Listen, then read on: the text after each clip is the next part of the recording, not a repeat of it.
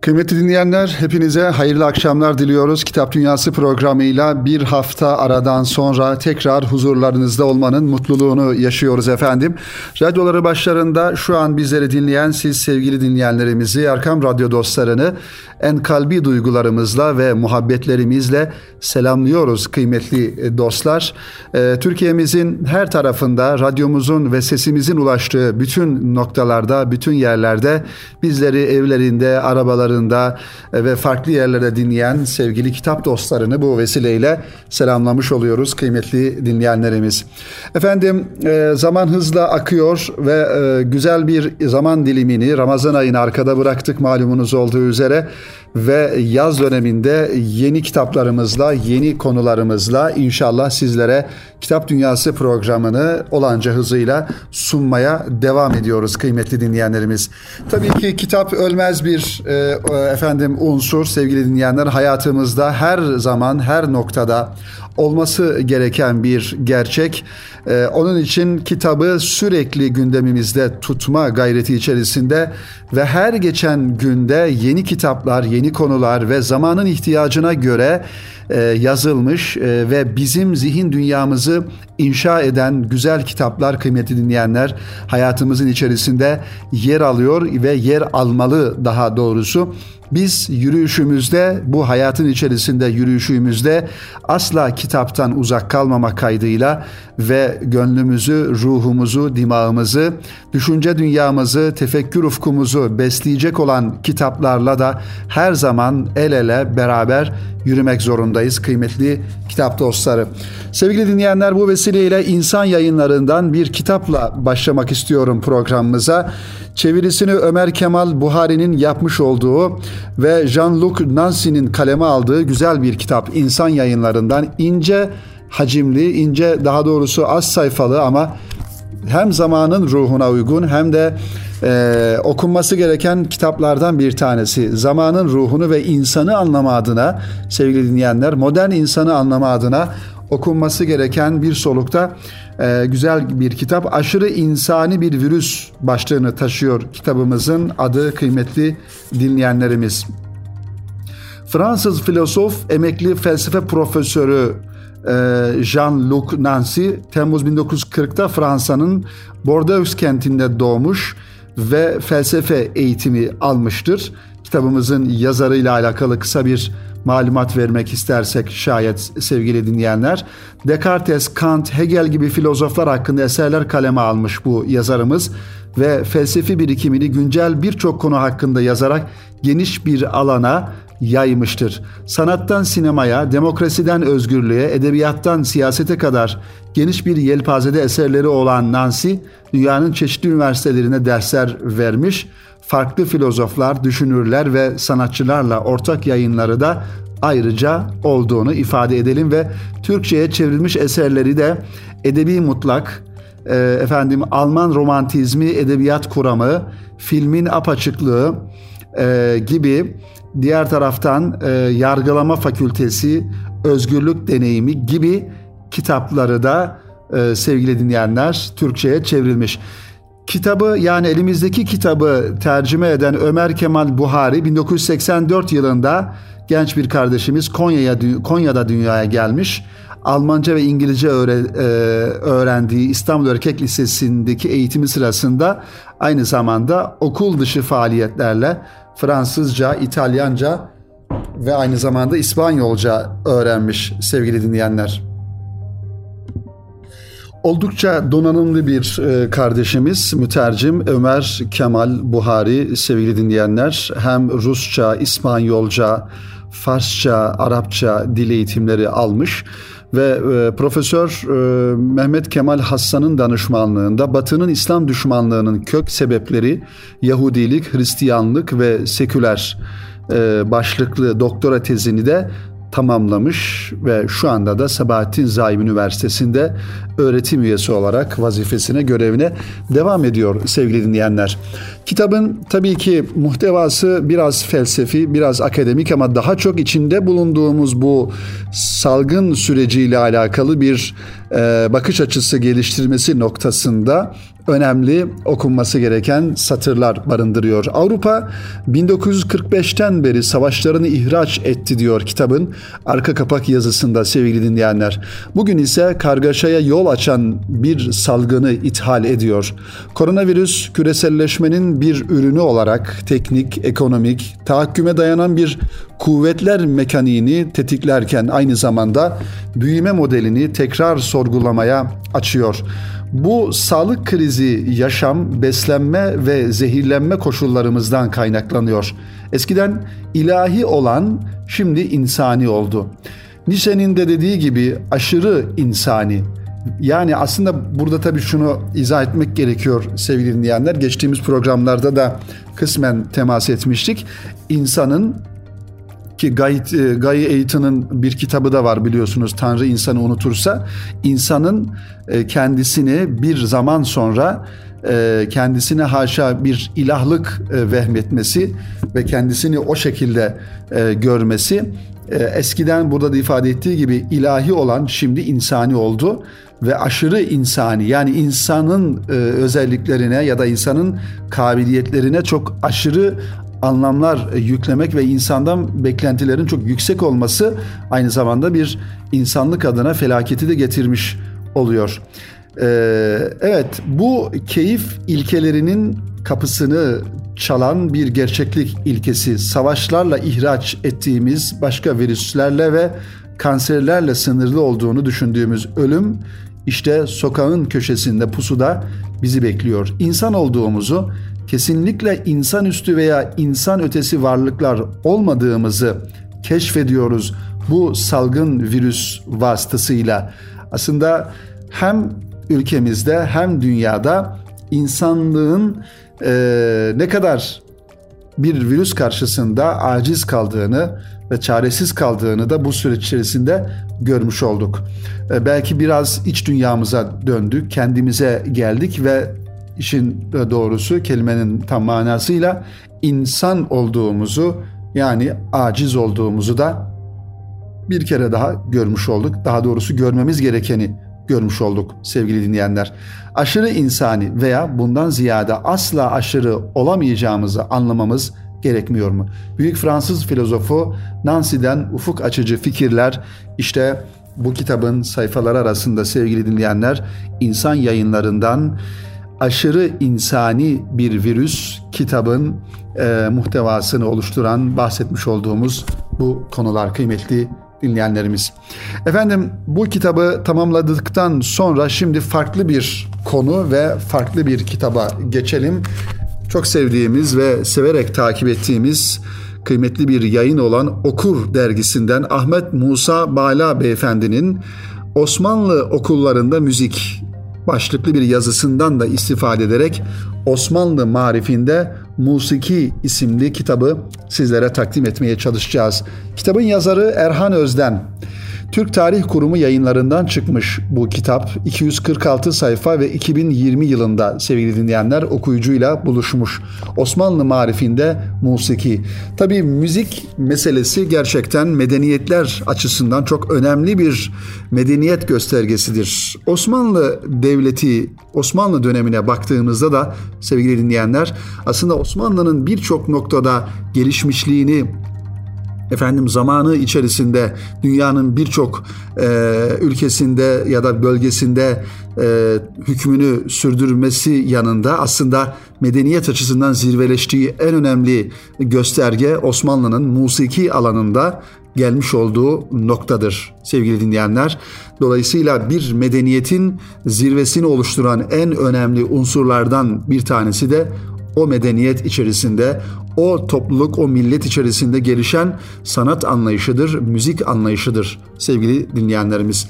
Osmanlı marifinde Musiki adlı Türk müziğine dair bu eser özellikle Türk müziği araştırmacıları için oldukça müfit bir çalışma. Sadece Türk müziğine değil, müziğin her dalına ilgili kişilerin kitaplığında yer alması gereken bir eser Erhan Özden'in Osmanlı Marifinde Musiki isimli çalışma. Türk müziği varlığı ve sürdürülebilirliği tartışmaları bir yana dursun. daha kendisine net bir ad dahi bulamamış büyük bir dünya mirasıdır. Türk müdür, Osmanlı mıdır, klasik midir, gelenekli midir, sanat müziği midir gibi ad tartışmaları epey su kaldırsa da mevzu bununla bitmez. Evet, böyle bir tespitle giriyor Ahmet Musa Bala kardeşimiz yazar olarak bu e, kitapla alakalı tanıtıma başlarken sevgili dinleyenler. Türk müziğiyle ilgili olan hemen herkesin aklına musiki denildiği zaman meşk kelimesi geliyor. Gelmelidir zaten. Peki gerçekten sadece meşk midir? Türk müziği eğitimi diye bir soruyla devam ediyor. Bu soruyu cevaplamak için müzik tarihi araştırmaları kapsamında müzisyen ve musiki şinas biyografilerinde, Edvar kitaplarında meşkle ilgili yazılmış pek çok makale ve kitaplarda cevaplar bulunabilir. Bu cevaplar kimilerince yeterli de olabilir, kimilerince olmayabilir. Peki Osmanlı Devleti resmi eğitim politikalarını yürüten Marif Teşkilatı bu konuda bize ne söylüyor? Bu sorunun cevabını yakın bir döneme kadar ayrıntılı bir şekilde cevap, cevaplandırmak mümkün olmasa da artık e, bahsetmiş olduğumuz bu kitapla herhalde bu soruların e, bir manada cevapları da verilmiş oluyor. Zira bu arşivler detaylıca incelenip tahlil edilmemişti o zamanlar. İstanbul Üniversitesi Türk Din Musikisi Anabilim Dalı öğretim üyesi Erhan Özden Hoca'nın 2013 senesinde tamamladığı Osmanlı Marifinde Musiki adlı doktora çalışması Türk müziği tarihindeki ciddi bir boşluğu kapattı ve ilgililerin konuyla alakalı yapacakları çalışmalar açısından başlangıç teşkil eden rehber niteliğinde bir eser ortaya çıkmış oldu. Erhan Özden Hoca'nın kaleminden bir akademik çalışma olarak. Bu çalışma ilk olarak 2015 senesinde Türk Tarih Kurumu yayınları vasıtasıyla kitaplaştı ve okurları ile buluştu. Sözü edilen kitabın ikinci baskısı ise hocanın yakın zamanda eserini gözden geçirmesi ve çeşitli eklemeleriyle aynı kurum tarafından tekrar gerçekleşmiş oldu. Medrese eğitimi, Osmanlı'da musiki eğitimi, Osmanlı'da eğitim reformu, Osmanlı marifinde musiki adlı dört bölümden oluşan bu eserde Türk müziği eğitiminin devlet eliyle gerçekleşen tarihine kısa bir bakış sunulmuş, Marif Nezaretinin bizzat kendi organizesi ve ona bağlı olan kuruluşlarda gerçekleşen musiki çalışmaları, arşiv belgeleri kapsamında ele alınmış. Bu suretle Osmanlı marif sisteminde ilk, orta, lise ve yüksek öğrenim okullarında okutulan musiki dersleri ayrıntılı bir şekilde işlenerek tespit edilen vesikalar doğrultusunda derslerin müfredatları e, aktarılmış kitabın sayfaları arasında. Burada sevgili dinleyenlerimiz oldukça önemli görülebilecek hususlardan bir diğeri ise isimleri unutulmuş birçok musiki okulu ve derneği bu belgeler ışığında günümüze dek e, tekrar taşınmış olmasıdır bu kitap vesilesiyle. Kitabın hazırlık sürecinde o zamanki ismiyle Başbakanlık Osmanlı Arşivleri günümüz ismiyle Cumhurbaşkanlığı Osmanlı Arşivleri Seyfettin Özege e, Nadir Eserler Kitaplığı Süleymaniye Kütüphanesi İSAM Kütüphanesi Erzurum Atatürk Üniversitesi Kütüphanesi ve bazı kurum arşivlerinden bu kitap hazırlanırken istifade edilmiş. Osmanlı Marifinde Musiki adlı Türk müziğine dair bu eser özellikle Türk müziği araştırmacıları için oldukça faydalı bir çalışma. Biz de buradan e, tavsiye ediyoruz sevgili dinleyenler. Hacimli bir eser olduğunu da ifade edelim.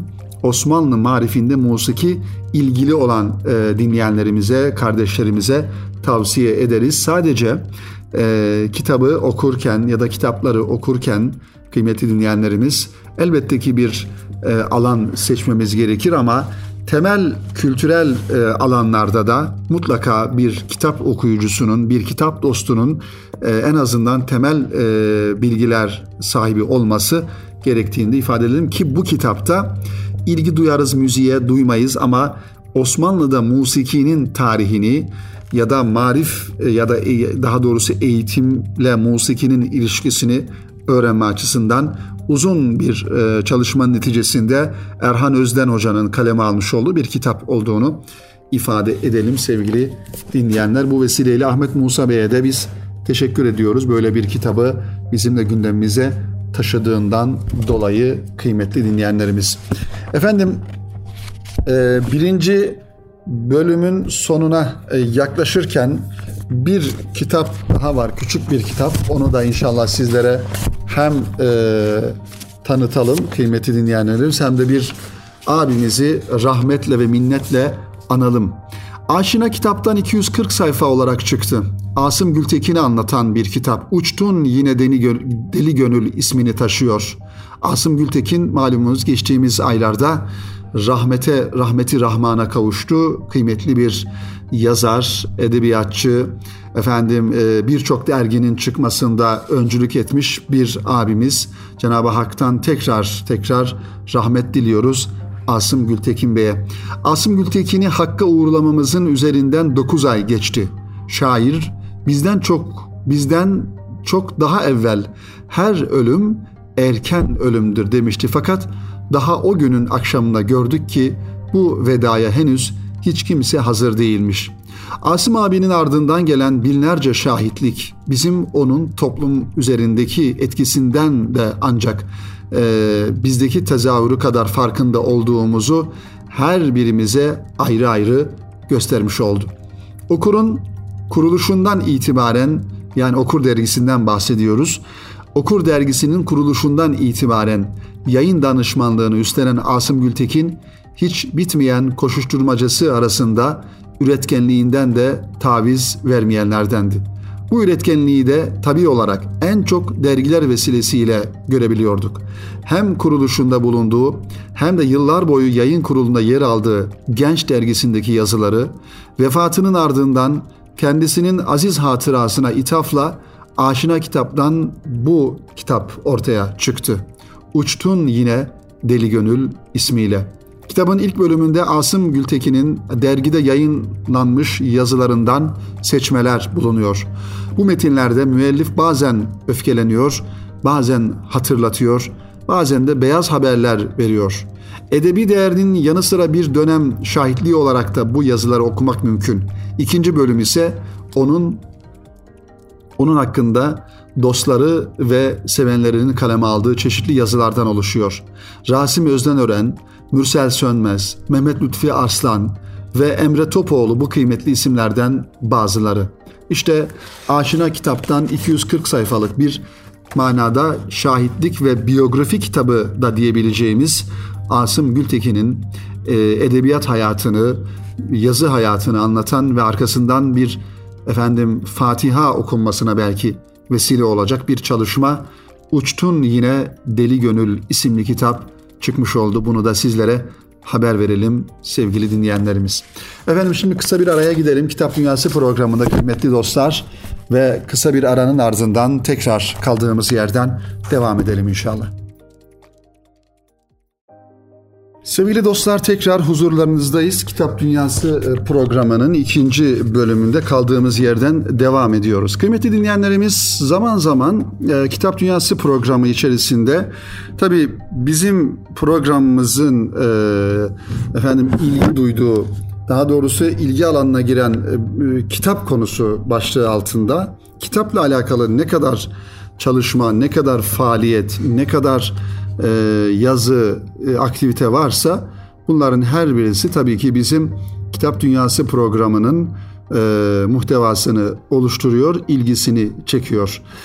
Şimdi e, Okur dergisinin son sayısı olan 19. sayısı malumunuz geçtiğimiz haftalarda yayınlanmıştı. Bu arada Okur dergisinden haberdar olmak isteyen kardeşlerimiz varsa, abone olmak isteyen kitap dostları varsa e, Okur Dergisi'nin internet sitesinden hem diğer detaylı bilgilere de ulaşabilirler. Gerçekten Okur Dergisi bugün Türkiye'de zannediyorum kitap e, adına kitap dergisi olarak çıkarılan, yayınlanan en önemli birinci sırada gelebilecek olan bir dergi muhteva açısından, kalite açısından vesaire sevgili dinleyenler.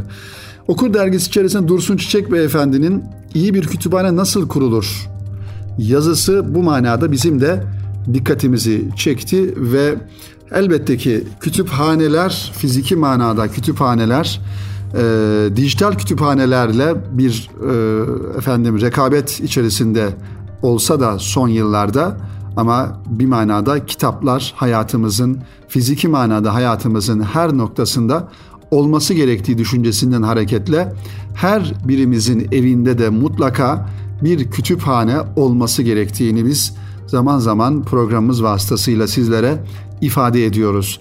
Her ne kadar teknolojik olarak e-kitap, dijital kitap, telefonlarımızın içerisinde, bilgisayarlarımızda, iPad'lerde vesaire kütüphaneler, sanal kütüphaneler oluşturabilsek de kıymetli dinleyenler ki bunu da ihmal etmemek gerekiyor.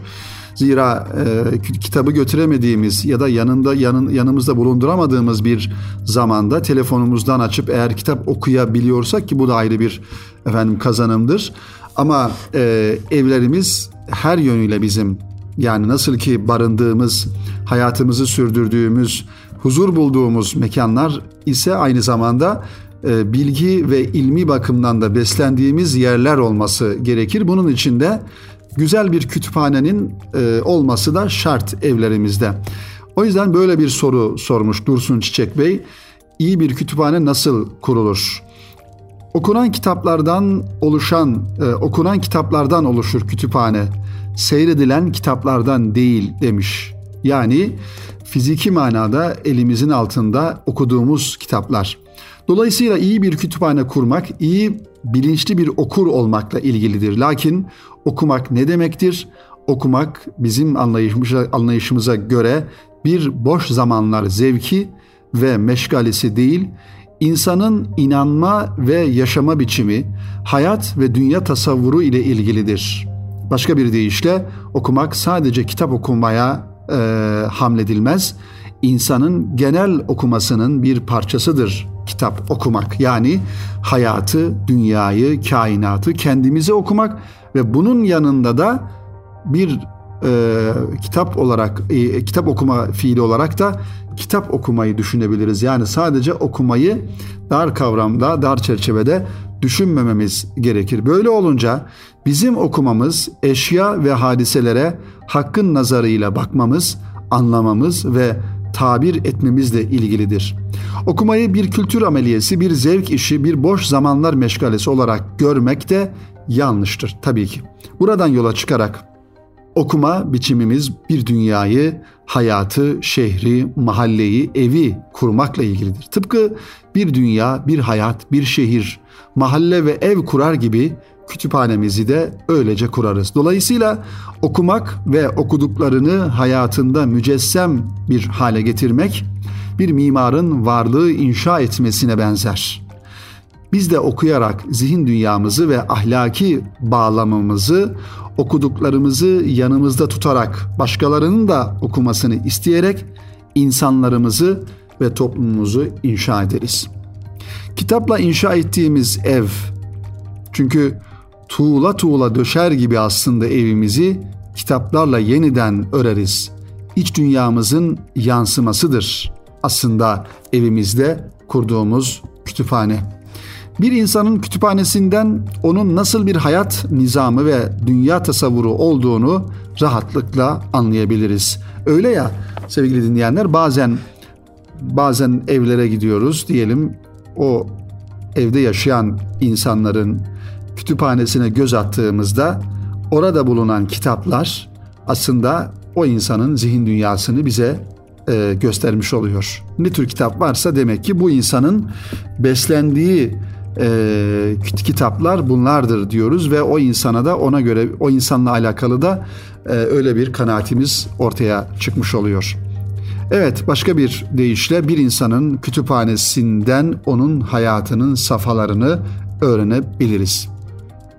Öyleyse bir kütüphane kurmak bir hayat nizamı kurmanın veya bir dünya görüşü tasavvuru oluşturmanın göstergesidir. Dolayısıyla iyi bir kütüphane bir insanın nazari ve ameli bağlamının eşliğinde oluşur. Bu sadece ferdi anlamda insan için değil, onun içinde yaşadığı devlet ve toplum içinde geçerlidir. Yani toplumun kütüphanelerinde bulunan kitaplar da aslında o toplumun kültür aynasını oluşturmaktadır diyebiliriz kıymetli dinleyenlerimiz.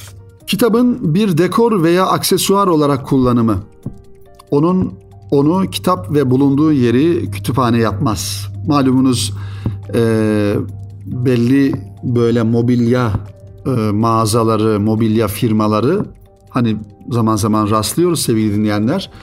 E, kitapları bir obje olarak, bir aksesuar objesi olarak, daha doğrusu bir aksesuar olarak e, kullanıp böyle koyuyorlar. Evlerimizde de aslında e, kütüphane dediğimiz hadise bir aksesuar olmamalı, bir süs eşyası olmamalı.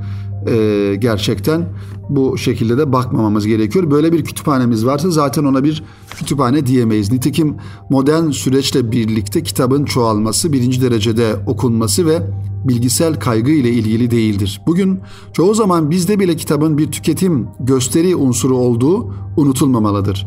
Kitap da bir imajdır.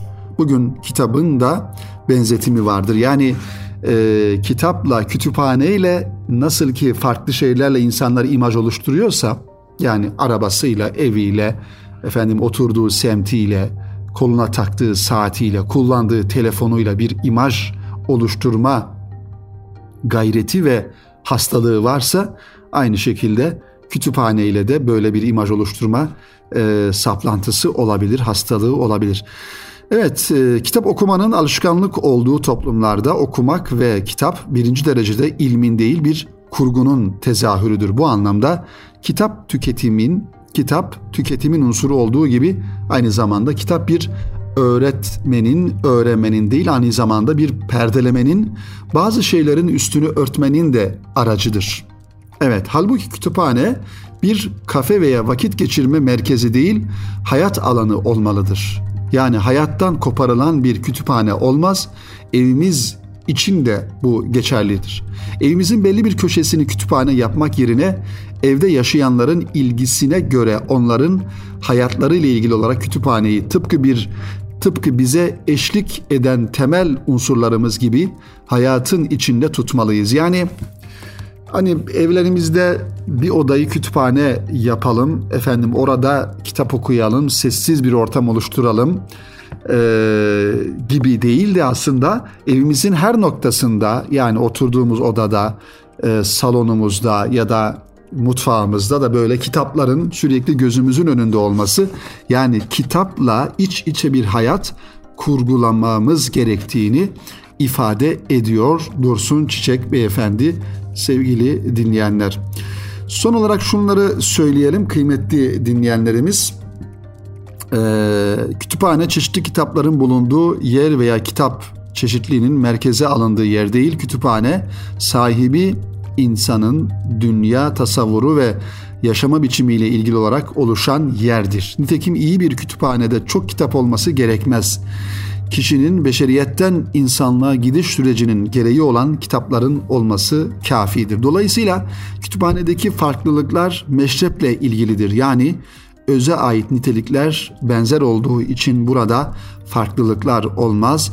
Farklılıklar meşreple alakalıdır sevgili dinleyenler. Son olarak ve öz özet olarak diyebiliriz ki aslında bir insanın e, evinde oluşturacağı kütüphane aynen bir hayat hikayesi gibi. Böyle e, nasıl ki bir binayı imar ederken tuğla tuğla taş taş üstüne koyarak imar ederiz.